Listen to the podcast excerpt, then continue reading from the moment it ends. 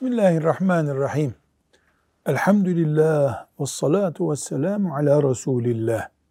Riyazu Salihinde tek hadislik bir bölüm var. Nebevi, Allah ona rahmet eylesin, kitabımızın müellifi, bir hadisi şerif koymuş, ona da bir başlık açmış. Bu hadisi şerifi kullandığı başlığı, e, bana görev ver diyene görev vermeyeceksin şeklinde. Neredeki bir yönetici? Yani kim kimi işe alıyorsa, kimin işe alma yetkisi, personel çalıştırma yetkisi varsa ona kurallar koymuş dinimiz. Bu hadis-i şerifte bunu anlatıyor. Bu kuralların e, şöyle üç başlıkta özetlenmesi mümkündür. Yönetici işe alırken birilerini toplumun menfaatini bireyin menfaatinin önüne geçirmesi lazım. Bu ne demek? Bu kişiyi işe alırken bu memnun olacak. Ama toplumun bundan ne menfaati olacak? Sadece para meselesi değil bu iş. Sadece maaş verme meselesi değil. O kişi oraya oturunca toplum bundan menfaat elde ediyor mu? Etmiyor. E, bireyi memnun edeceğim diye toplumun memnun olmayacağı işi yapmak yanlış. Birinci kural bu. Toplumun menfaati, Müslüman toplumun menfaati, Müslüman bir bireyin menfaatinden öndedir. İki, Müslüman toplumun menfaatinden kırpıp şahıslara aktarma yapılamaz. Çünkü işe almak hem maaşta bir aktarmadır hem de o kadronun kalitesi açısından aktarmadır. Bu da birincinin bir açıklaması gibi aslında. Birincide ne dedik? Toplum menfaatini öne geçireceğiz. İkincide yönetici diyoruz ki ikincide yönetici toplumdan kırpıp bireyi doyuramaz. Yöneticilik böyle bir şey değildir. Bunu sadaka kalıbıyla yapmak da yanlış. Fukaraya sadaka veriyorum. Bir de bu sadaka verişin yani büyük bir afeti gidermek, açlığı gidermek olur. Zaten hesabı sorulmuyor bunun ama sadece sosyal politikalarda başarılı olmak gibi bir gerekçeye dayandırılamaz bu. Üçüncü olarak da yönetici, yani neredeki yönetici? İşte kime yönetici deniyorsa, filan işi kaldırımı doğru yapmak, e, hoca dersi iyi okutmak, ezanı güzel okutmak gibi bir görevi olduğu ne kadar biliniyorsa, aynı şekilde iyi adam seçmek diye de bir görevi var.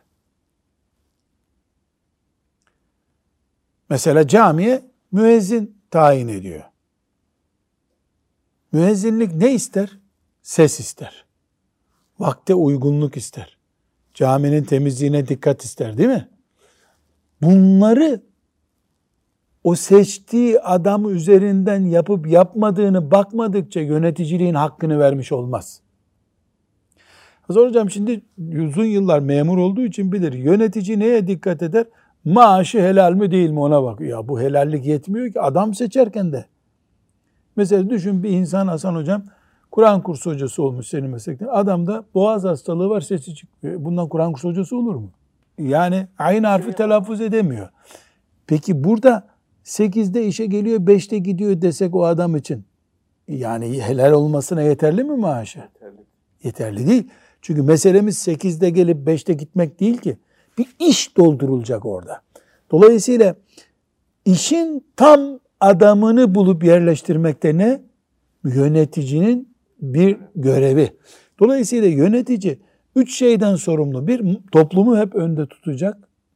İki, toplumdan kırpıp bireye vermeyecek. Üç, Müslüman yönetici adam seçen adam olacak. Ama bu adamı kendi adamı olarak değil ya işin adamını bulup yerleştirmek bir vazife. Sadece para çalmadım ben buradan. Vaktinde geldim demekle o görevin hakkını vermiş olmuyor Müslüman. Şimdi bu hadisi şerifi 681. hadis-i şerifi bu manaları nasıl ihtiva ettiğini anlamak için okuyalım. Ebu Musa el-Eş'ari radıyallahu anh şöyle dedi. amcamın oğullarından ikisiyle Peygamber sallallahu aleyhi ve sellemin huzuruna girmiştim. Onlardan biri ya Resulallah idaresini Cenabı Hakk'ın sana verdiği görevlerden birine bizi amir tayin et dedi. Öteki amcaoğlu da benzeri bir şey söyledi. Yani Ebu Musa radıyallahu anh çok değerli bir sahabe. Efendimiz onu çok seviyor değil mi? Ee, Efendimiz de becerip yani torpil yapacak bir adamla yüksek makama girdiler.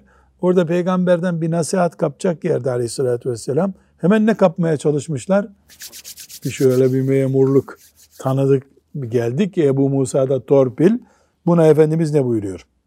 Vallahi biz isteyeni veya görev hırsı bulunanı yönetici yapmıyoruz. Çok muhteşem bir şey zaten. Yani Müslüman insanlar belediyelerde filan göreve gelince ne yazdılar?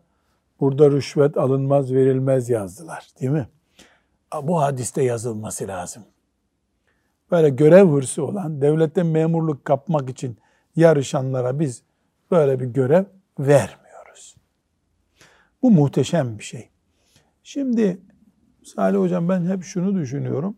Bu siyasette ve bu tür görevlerde olan kardeşlerimizle oturduğumuzda bu tip nasihatler yapınca hemen şu cevabı alıyorum.